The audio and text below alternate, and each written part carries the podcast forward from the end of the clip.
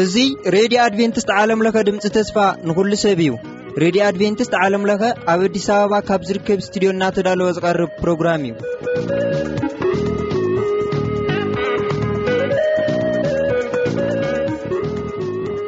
ሰላም ከመየለኹም ክብራት ሰማዕቲ እዚ ኩሉ ግዜ በዚ ሰዓት እዚ እናተዳለወ ዝቐርበልኩም። መደብ ህያው ተመክሮ ክቐርበልና እዩ። ኣብ መንጎ እውን ዝተፈላለዩ ጠዓሚ ዘመታት ኣይሰኣናን ምሳና ፅንሑ ሰናይ ምክትታል።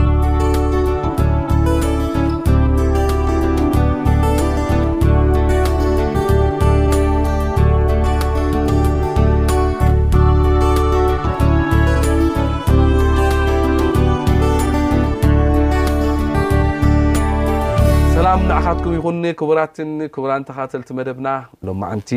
ከምቲ ልሙድ ጋሻ ሒዘልኩም ቀሪበ ኣለኹ ጋሻና ከዓኒ ንዝሓለፋ ኣርባዕተ ሰሙናት ዛንትኣ ተዘንትወልና ዝነበረት ሓፍትና ጁዲያ ጁዲ እንኳዕ ድሓን መፃኺ እንኳዕ ድሓን ፀናሕ እግዚኣብሄር ከዓኒ ሰናይ ገይርልና ብሂወት ክንራኸብ ክኢልና ኣሎ ክብርን ምስጋና ንዕቤት ንዑ ይኹኖ ንዓኺ ከዓኒ እቲ ዝሓለፈ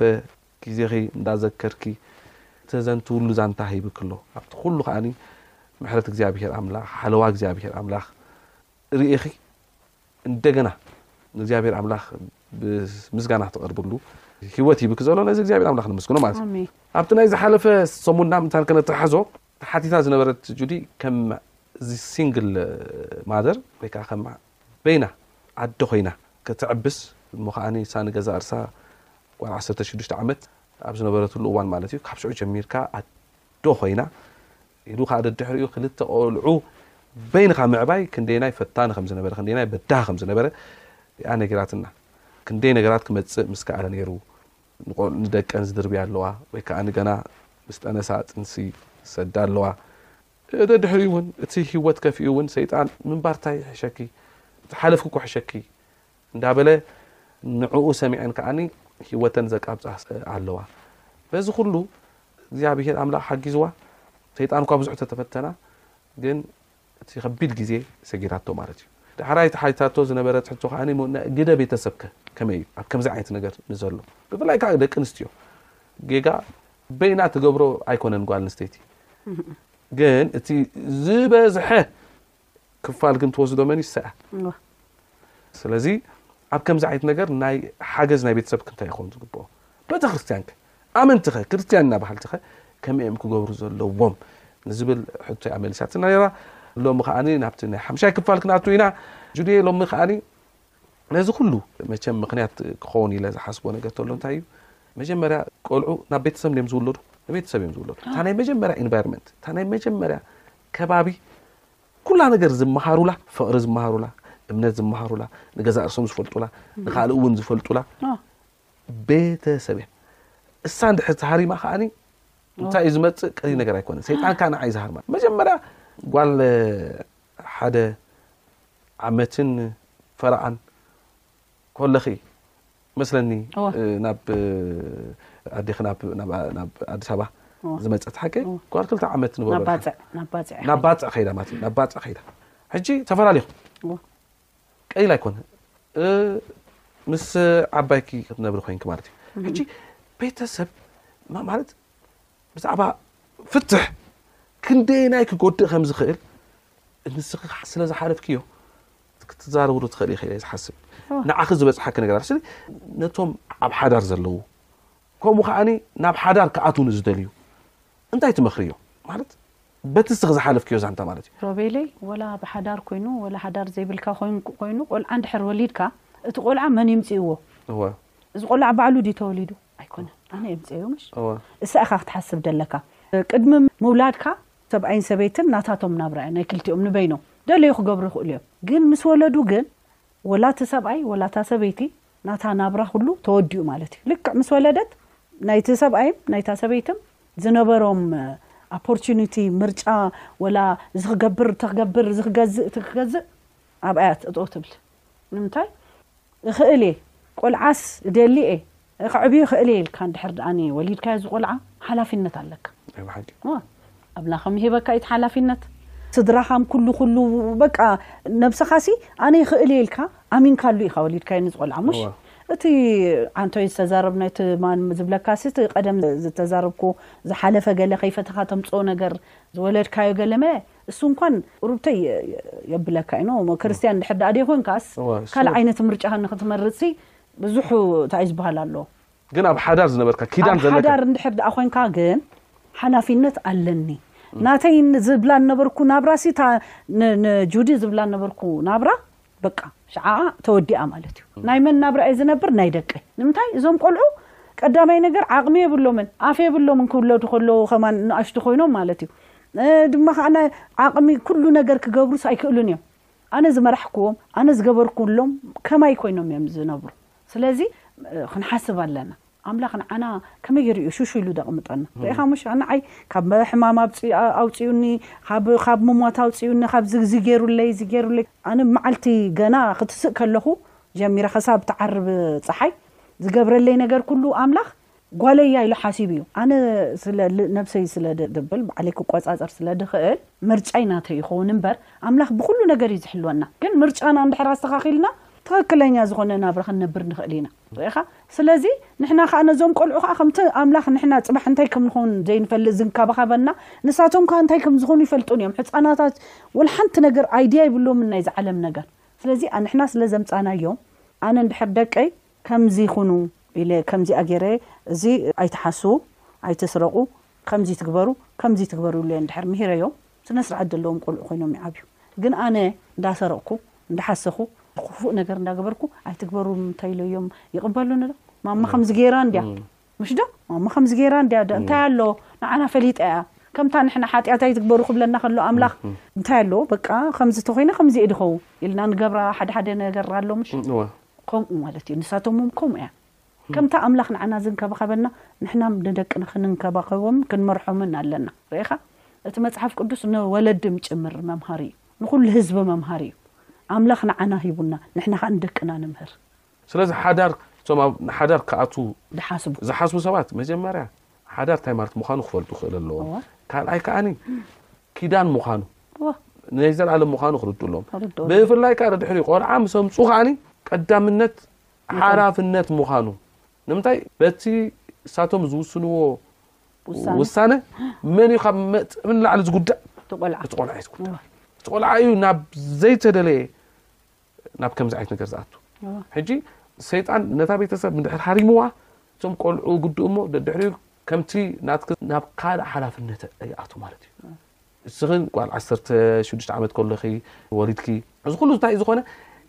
ዝማሞቐ ቤት ደሊኺ ፍቕሪ ደሊኺ ናብ ከምዚ ዓይነት ተቓላዒ ዝኾነ ባህሪ ናብኡ ኣምፂኪ ማለት እዩ ስለዚ እዚ ቀሊል ነገር ኣይኮነን ስለዚ እቶም ኣብ ሓዳር ዘለዉ ከዓኒ ኣብ ሓዳር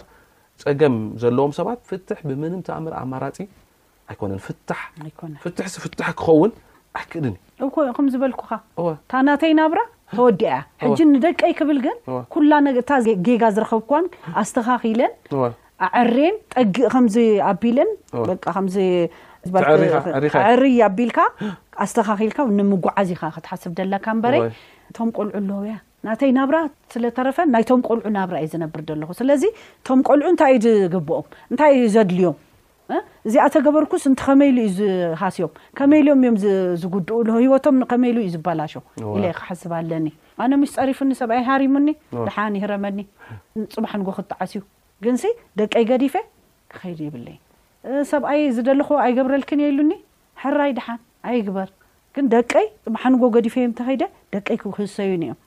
መን ክገብረሎም እዩ ንዓይ ዘይገበረለይ ንዓቶም ከመይ ኢሉ ይገብረሎም ኢለ ክትሓስብ ኣለዋ ኣደ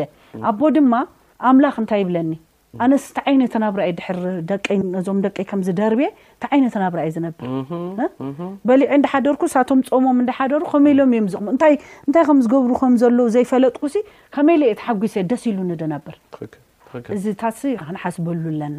ንምንታይ ብኣምላኽም ንጥይቐሉ ኢና ድማ ኸኣሲ ኣብ ህይወትና ኸኣ ዝገበርና ጌርና ምስ ኣምላኸ እየ ድጓዓዝ ዘለኹ ኣነ ንኣምላኸ ይገልግሎ እየ ዘለኹ ኣምላኽ ዝበለኒ ግን ኣይገበርኩን ከመይ ኢለ እየ ድሕጎስ። ጽቡቅ ሕጂ ናብ ካልእ ክንኣቱካ ሕጂ ብቲ ናይ ንእስነትኪ ግዜ ድድሕሪ ምስ ወለድኪ ዳሕራይ ናብ ዝተፈላለየ ወልፍታት ግዜ ንእስነት ትኣትወሉ ዋላታት ኣሎ። ሮቤለይ ደቅኪ ተዕቢ ከለካ ቀላል ኣይኮነን እወ ኣነ ድማ ኣብ ሹቅ ዱካን እንዳ ክዳውንትን እንዳ ሳእንን ሰሪሐ ሲ ደቀይ ከዕቢ ኣይከኣልኩን። ዕብይ ዝበለ ቦታ ከኣ እንተ ተኸድኩ ከኣ ብኻልእ ምኽንያት ከኣ ይስጎግ። ሕጂ ናይ ብሓቂ ሽዱሽተ ሽሕ ድኸፍሉኒ ሰብ ነይሩ በቲ ግዜ እቲ። ግን እቲ ሰብኣይ ፈትዩ ፈትየኪ እንዳበለ ስለ ዘሸግረኒ ከመይ ገለ ክሰርሕ። ድማ ኣነ ዝርኢ ዝነበርኩ ንደቀይ ሲ ካልእ ኣቦ ኣይምጽኣሎም እየ ትበሃል እንታይ እዩ ዝበሃል ነይሩ ሃኒ። ሓላፍነት እኳ እዩ ዝብሉ። እወ ነይርሃኒ እሞ እዚ ሰብኣይ በዚ ተበልኩ በዚ ተበልኩ ድሓር በቃ ኣብ ዘይከውን ነገር ኣትየ በቃ ሮቤለይ ክዛረቦ ኣብ ዘይደልዮ ነገር ኣትየ ሽጋራ ዲኻ መስተ ዲኻ እታ ዲኻ ጫት ዲኻ ዘ ኩሉ ነገር ዘይገበርኩዎ ነገር የለ ኣብኡታት ኣብ ከምኡታት ዓይነት ነገር ኣትየ ንምንታይ ደቀይ ከዕቢ ኣለኒ እያ ዝደለይዎስ ክረኽቡ ኣለዎ ዝብል ድሓር ከዓ ሰይጣን ርኢኻ ንደቅኺ ኢልኪ እንታይ ኣሎ ዝብለካ ነገር ኣሎ እሞ ንዕኡስ ኣብኣ ተጋጊ ከይደ በቃ ጠፊኤ ጠፊኤ በቃ ደሓር ደቀይ ዓብዮም ዓብዮም ቁርብተይ ነብሲ ክልቲኦም ወዲ ዓሰርተ ኣርባዕተ ዓሰርተ ሓሙሽተ ዓመት ኮይኖም ኦ። ዝብለካሲ ነብሲ ፈሊጦም ማለት እዩ ኦ። ሕጂ ንመን ፈርሕ ጀሚረ ንዓቶም ንዓቶም ፈርሕ ጀምሬ እንድሕር መ- ኣፈይ እንድሕር ሰትየ ኣብ ገዛ ይኣቱኒ ቅድሚ ምእታወይ ነዚ ኣፈይ በቃ ብኽንደይ ነገር ኣቢለ ማስቲካ ዲኻ እንታይ ዲኻ ጌረ እየ ድኣት ድማ ከኣ ካብ ደቀይ ከኣ ክፍለ ኣይደልን እየ ስለዚ ድሕሪ ሰትየ ቡእ ቢለ እንዳ መሓዙተይ ቡእ ቢለ ናብ ዝኾነ ወላ ምስ ኣዕሩኽተይ ዝገብሮ ኣይፈልጥን እየ ኔረ ሽዑ ነው ሓደ ኣርባዕተ ዓመት ከምዚ ድሓር ጓለይ እንዳ ዓበየት ክትከይድ ከላ እማ እዚ እኮ ከምዚ ጽቡቕ ኣይኮነን ንሳ ትመኽረኒ ጀሚራ ድሓር ሰቕቕ ጀሚረ በቃ ዋይ ኣነ እዛ ጓለይስ ከምዚ ኢላሃኒ ደሓር ከኣ መሊሰ ከኣኒ ይርስዖ እንደገና ከኣ መሊሰ ከምኡ እንደገና መሊሰ ከምኡ በቃ ናብራይሲ እንታይ ዓይነት እዚ እንታይ እሞ ክብለካ ነዚ ኣምላኽሲ ከብዛ ዘይፈልጦ ኮይነ በቃ ኣርባዕተ ዓመት ግን ዝገርመካ ሮቤለይ ስኽር ኢለ መጽስ ኣብቲ ዓራተይ ኣብታ ዓ- ጥቓ ዓራተይ ኮይነ እንዳጸለኹ ብኡ ቢሉ ከማን ድቃስ ይወስደኒ ኣንታ ኣምላኸይ በ- በዓልኻ ትፈልጥ ከምዚኣ ገይረ እሞ ቅር በለኒ ኢለ በቃ ብኣቢለ ድቃስ ይወስደኒ ወይ ይበኪ ወይ ዝብለካሲ ሂወተይ ላይፈይሲ በቃ ብጣዕሚ እዩ ድሕዝነኒ ነይሩ ንምንታይ ከምዚ ገይረ ነዞም ሕጂ ኣብ ከምዚ ዓይነት ሂወት ዘለዉ ንስኺ ሓሊፍክዮ ኢኺ መቸም ብዙሕ ነገር ኣሜን ሓሊፍኪ ተመስገን ሓሊፍክዮ ኣምላኽ እግዚኣብሔር ይመስገን ይመስገን ነዚ ኣብ ከምዚ ዓይነት ዘሎ መንእሰያት ብዝተፈላለየ መገዲ ሓጎስ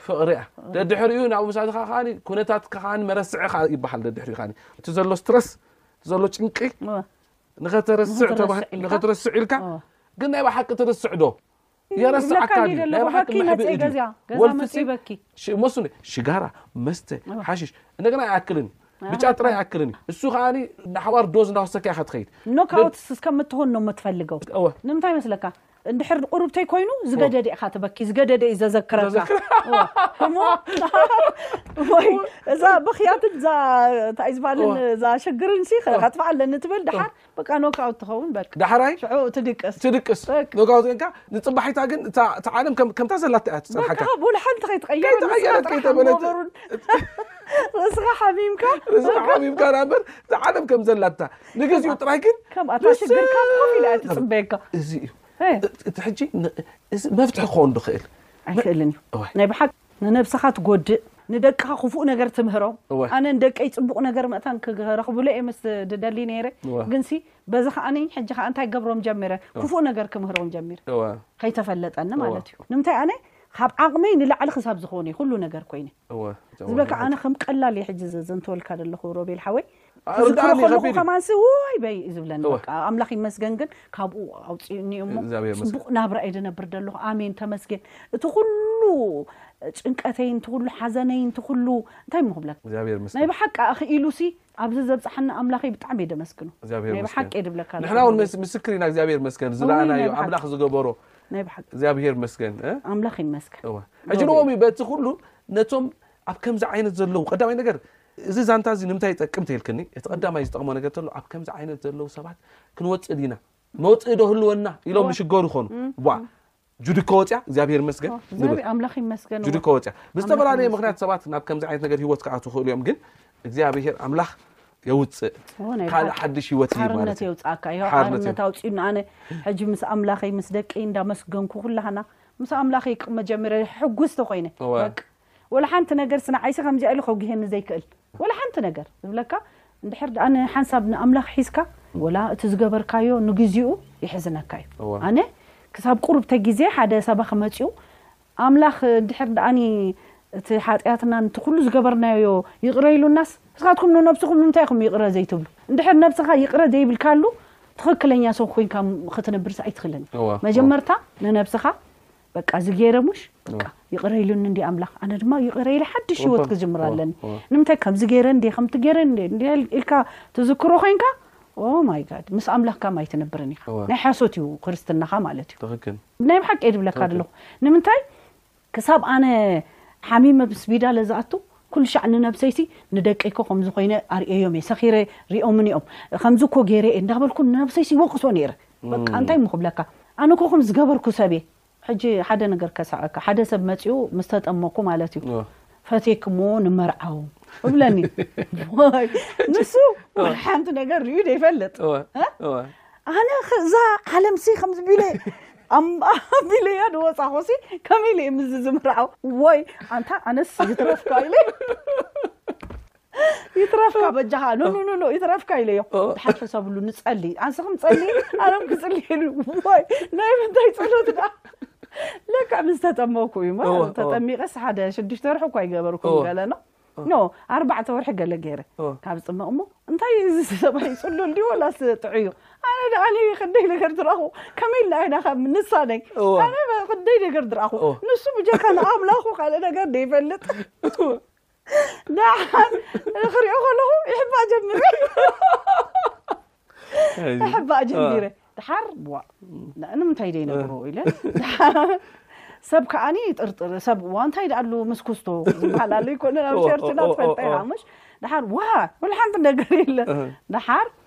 እሱም ሰብ ብዙሕ ነገር ሪኣያ ዶ እንታይ ዶ እንታይ ዶ ኢልዎ መሲልኒ ዋ። መስለ ድሓር ድሓ ከዛርበካ በጃኻ ኢለ ዋ። ኣነ እኮ እንታይ እዛ ጓል ካብ ቸርች እባ ከይት- ከይትጠፍእ ብሰንከ ኢለስ ፈሪሐክ እኮ ኢሉኒ ድሓር እ። ድሓን በቃ ንዛረብ ድሓን ኮፍ ኢልና ንዛራርብ ኢለዮ ስማዕ ኢለዮ ኣነ እ። ካብዚ ዝገበርኩ ካብ ዓለም ወፅየ ዝበልኮስ ክሳብ ሕጂ እ። Guilty conscious ስለ ዘለኒ እወ። እንታይ ሓዳር ኣይግደፎ ዓርኩካ ከማን ዝኸውን ኣይክእልን እዩ እወ፣ በቃ እወ፣ እወ። ምስ ሰብሲ ከመይ ገይረ ከም ዝረዳዳእ ከማን ስኒ ይ- ይ- ይ- ይችግረኒ እዩ ደሎ እሞ ከመይ ገይረ እየ ምሳኻ ከምዚ እንታይ ደኣ ስኻስ ስኻ ንርእሲኻ ከምዚ ከምዚ ውንኖ ኩላህና ሓጢኣተኛታት ኢና እወ። ተዘይንኾን ነርና ክርስቶስ ኣይምሰ ደልየና ንስኺ ድማኒ እቲ ዝገበርክዮ እንዳዘኪርኪ ከምዚ እንድሕር ትገብሪ ኮንኪ እወ። ክርስትያን ኣይኮንክን ኢኺ ማለት እዩ ገና ኢኺ ደለኺ ማለት እዩ እግዚኣብሔር መልእኽቲ እዩ ነይሩ ንዓኻ እወ ገና እየ ዘለኺ ማለት እዩ ኣነ ኣምላኸይ ሓጢኣተይ ተቐቢሉ ብደሙ ሓፂቡኒ ንፅህቲ ኮይነ እየ ፃዲቀ እየ በሊ እንድሕር ድኣ ከምዚኣ ደይት ኣነ ከመይ ገይረ ኢለዮ ከመይ ከምዚ ዝብል ድኣኒ ክንደይ ነገር ዘሕለፍኩ ሰብ እንዴ ተበልኩ እቲ ዘሕለፍክዮ ኣምላኽ ቆፂሩ ኣይቆጸሮን ንስኺ ኢኺ ባዕልኺ ንነብስኺ ይቅርታ ምባል ዘይከኣልኪ እምበረይ ኣምላኽ እሞ ይቅር ኢሉ እኮ ምሽ ተጠሚቕኪ ኩሉ ሓጢኣትኪ ካብ ባሕሪ ንታሕቲ ከምዘይረኣይ ገይሩ ደምሲስዎ እዩ ብደሙ ተሓፂብኪ ኢኺ ንስኺሲ ፃድቅ ፀዲቕኪ ኢኺ ብክርስቶስ እንድሕር ደኣ ከምኡ ኢልኪ ዘይትሓስቢ ኮንኪ ወላ ሓንቲ እንታይ እዩ ዝበሃል እቶም ብክርስቶስ ዝኾኑ እኮ እሶም ሓድሽ ፍጥረት እኳ እዮም ዝብል ሓድሽ ፍጥረት ክትወጽ ከለኽሲ ንስኺ ዘይኮንክስ ክርስቶስ ኣብ ውሽጥኺ ህያው ኮይኑ እዩ ተሲእኪ ኢሉኒ እወ ስለዚ እዚኣ ኣብ ኣብ እንታይ እዩ ዝበሃልኪ ግበርያ ግን ሕሰብሉ መልሲ ንገርኒ ኣንታ ኣይደሊን እየ በቃ ስሒቑ በቃ እም- እንደዚ ከምዚ በቃ በኺኹ ብሰሓቕ ጥራሕ ብሰሓቕ በኺኹ። ናይ ብሓቂ በቃ ኣነ ከም ዓይ ከማኸ ሰብሲ ርእየ ይፈልጥን ኣነ ባ ይደልየካ ኒ በቃ መጨረስታ በቃ እንታይ እንታይ ደኣ እሞ ክብሎ ኣብኒ በቃ ኣነ ድማ በቃ እንታይ እሞ ክብለካ ቅድሚ ሕጂ ገይረዮ ደይፈልጥ ሕጂ ከዓ ክገብሮስ ኣይደለኹን በቃ ኣነ እዚ ሓዳር ትበሃል ስን ብኣይ ሓዳር ማለት ንዓይ ሲኦል እያ ነይራ ሕጂ ምስ ጎይታ ዋና እቲ ዝዓበየ ነገር ምስኡ ኪዳን ምግባር እቲ ዝበለፀን ዝዓበየን ተሪፉ ዘሎ ዘበንኪ ምስ ጎይታ ኮይንኪ ክትሓልፍዮ እዩ እቲ ውሳነኺ ከምቲ ዝነገርክኒ ውን እቲ ዝዓበየን ከዓ ዝበለፀን ከዓ ንሱ እዩ ግን ካብ ኩሉ ንላዕሊ ከዓ እንታይ እዩ ካብ ከምዚ ዓይነት መንፈስ ውን እግዚኣብሔር ኣምላክ ስለ ዘውፃኪ ንጎይታ ስለ ዝኣመንክዮ እግዚኣብሔር መስግን ማለት ሰይጣን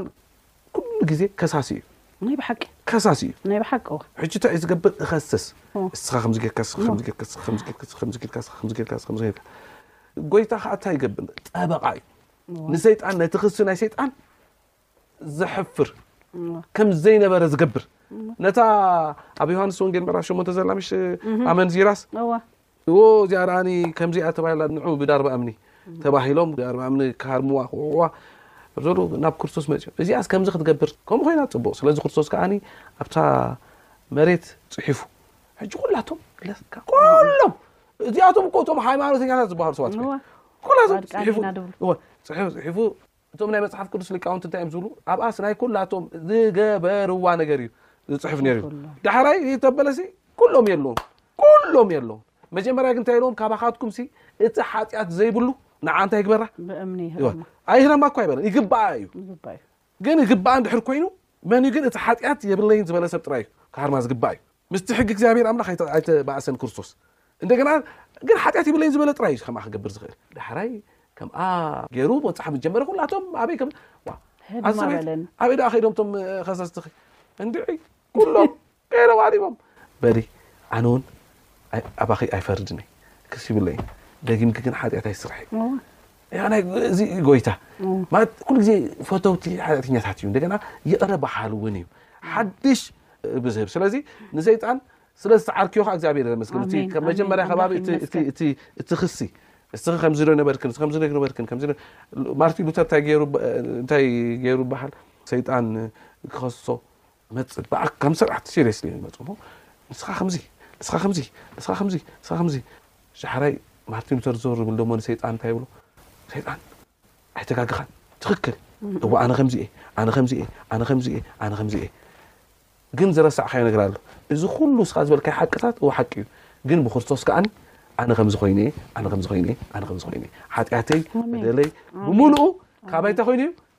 ጠፊኡ እዩ ሕጂ ብጎይታ ዝረኸብናዮ ነገር ቀሊል ኣይኮነ ፅድቂ ብእምነት እዩ ንብሎ በዚ ምክንያት እዚ ጎይታ ብዝገበሮ ዳኣ እምበር ብስራሕና ኣይኮነን ማንም ብስርሑ ዝፀድቕ የለን ስለዚ ሰይጣን ከዓ እንደገና ናብ ጎይታ ምስ መፃኺ ብምክሳስ ናይ ትማሊ ነገርኪ ብምምፃእ ዝገበር ዘምፆ ዝነበረ ነገራት ስለ ዝሰዓርክዮ እውን እግዚኣብሔር መስገን ሕጂ ነፃ ኢኺ እግዚኣብሔር መስገን ሓቂ ሕጂ ውሽጢኺ ብምልኡ ዕረፍቲ ዘለዎ እዩ ናይ ብሓቂ ንኹም መኻሪት ከም ዝኾን ክፈልጥ ንቆልዑ መኻሪት መንእሰያት መኻሪት ምዃን ክፈልጥ ነዚ እግዚኣብሔር ኣምላኽ ከመስግኖ ስለዚ ኣብ ከምዚ ዓይነት ንዘለዉ መንእሰያት እቲ ናይ መወዳእታ ምክሪ ትህብዮም ተሎ ንዓ ክክበክ ሞ በዚ ናይ ሕጂ ፕሮግራምና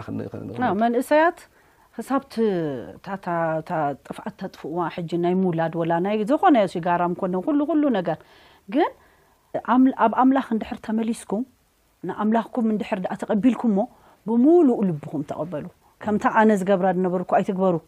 ኣነ ከምዚ ገይረ እንዴ ከምዚ ገይረ እንዴ ኣይሰርሕን እዩ። ድማ ንመጀመርያ ኣነ ንነብሰይ ይቅር ክብል ኣለኒ። እዚ ኩሉ እጥፊኤ እሞሽ በቃ ኣጥፊኤ በቃ ይቅር በለኒ ነብሰይ ኢለ ደሓር ከኣ ንኣምላኸይ ከኣ ይቅር በለኒ ትብሎ። ዘየጥፍእ የለን። ኩላህና ሓጢኣተኛታት ኢና። ኣም ክርስቶስ ናይ ክርስቶስ ደምን ናይ ክርስቶስ ምስቃልን የድ የ ንኩላህና እዩ ድ ደድልየና። ዘየድለዮ ሰብ የለን ጻድቅ ዝብሃል ነገር የለን ሓደ ካብ ሓደ እዚ ከምዚ ጌሩ እዩሞ እዚኣ እዚ ከኣ ተሓቢኡ ከምዚ ገበረ ጻድቅ ኣይብሃልን እዩ ክልቴኹም ሓደ እዩም ስለዚ ኣምላኽ ይቅር በለና ኢልኩም ድማ ናብ ኣምላኽ እንድሕር ተመሊስኩም ከኣ እቲ ኩሉ ዘጨንቀኩም ዝነበረ እቲ ኩሉ ትገብርዎ ነበርኩም ኩሉስ ንምንታይ እዚ ጌረ ኢልኩም ክሳብ ትጸልእዎ እዩ ዝገብረኩም ንዓይ ከምኡ እዩ ጌሩኒ ኣምላኸይ ናይ ብሓቂ እየ ዝብለካ ዘለኹ እቲ ኩሉስ እንታይ ኮይኑ እየ ከምዚ ዝገብር ነበርኩ ክብል እየ ኾይነ እሞ ስለዚ እንድሕር ምስ ኣምላኽ ደኣ ተጸጊዕኩም ብምሉእ ልብኹም ተጸግዑ ኩሉ ነገርኩም ከኣ እሱ ክመርሓኩም እዩ ኩሉ ነገርኩም ናይ ኩሉ ነገረይ ሕጂ ኣነ እሱ እዩ ድመርሓኒ ሓንቲ መዓልቲ ሸጊርሃኒ ትፈልጥን እያ እንታይ ደኣ ኮይነ እቲ እቲ ቀደም ከምዚ ዝኸውን ነበርኩ ምስ ኣምላኸይ ስለ ዘይኮንኩ ርኢኻ ሸጊሩኒ ኣነ ካበይ ከምጽእ ኢለ ዝጭንቐሉ ዝነበርኩ ሕጂ ግን ኣይጭነቕን እየ ንምንታይ ከይሓሰብኩ ሓደ ነገር ይገብረለይ ኣምላኽ እግዚኣብሔር ይመስገን። በቅ ንዕኡ ሂበዮ እዩ ማለት እዩ በቅ ንዕኡ ስለ ድሃብክዎ እሱ እዩ ህይወተይ ድመርሓን ደስተኻኽላን ድገብረላን ዘምህራን ስለዚ ንስኻትኩምም ከምኡ ንኣምላኽኩም እምነትኩም ሃቡ ኤጽ። የቐንየልና ጁዲ ምስ ጁዲ ዝነበረና ጻንሒት ብጣዕሚ ዘሕጉስ ኔሩ ኣነ ኩሉ ግዜ ብስራሕ ኣምላኽ ብምሕረት እግዚኣብሄር ኣምላኽ ብፍቕሪ እግዚኣብሄር ኣምላኽ ብጽድቂ እግዚኣብሄር ኣምላኽ ብጣዕሚ ዝሕጎስ ባህ ውን ዝብለኒ እዩ ጎይታ ኣብዚ ምድሪ እዚ ከሎ ኩሉ ግዜ ፈተውቲ እዞም ጉዱኣት ፈተውቲ እቶም ሓጢኣተኛታት እዩ ኔሩ ስለዚ እዚ ምሕረት እግዚኣብሄር ኣምላኽ ከኣ ነቲ ንጁዲ ዝበጽሐ ምሕረት እግዚኣብሄር ኣምላኽ ንዅላትና ከኣ ስለ ዝበጽሕ ብፍላይ ከኣ ኣብ ክንወጾ ዘይንኽእል ጸገም ዘለና ማለት መንፈሳዊ ዝኾነ ጸገም ሞራላዊ ዝኾነ ጸገም ማሕበራዊ ዝኾነ ጸገም ዘለና ሰባት እግዚኣብሔር ኣምላኽ የውጽእ እዩ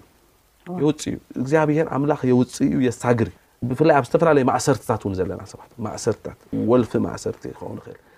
ናይ ዝተፈላለዩ ዓይነት ማእሰርቲ ካብዚ ከመይ ገይረ እየ ክወፅእ ዝብሉ ሰባት እግዚኣብሔር የውፅእ እዩ ኢልና ኣይኮናን ከምኡ ንብል ዝወፀ ሰብ ስለ ዘሎ እዩ ጁዲ እግዚኣብሔር ኣምላኽ ካብዚ ውፅእዋ እዩ ንዓኻትኩም ከዓ ከውፃኩም እዩ ምስ ጁሪ ዘነበረና ፃንሒት ኣብዚ ሓምሻይ ክፋል ወዲእና ኣለና ዝመፅ ዘሎ ሰሙን ከዓ ሻሻይ ክፋል ሒዝናልኩም ንመፅ ኢና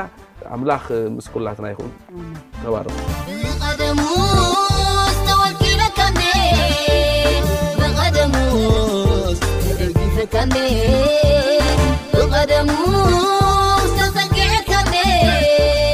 ብቐደሙ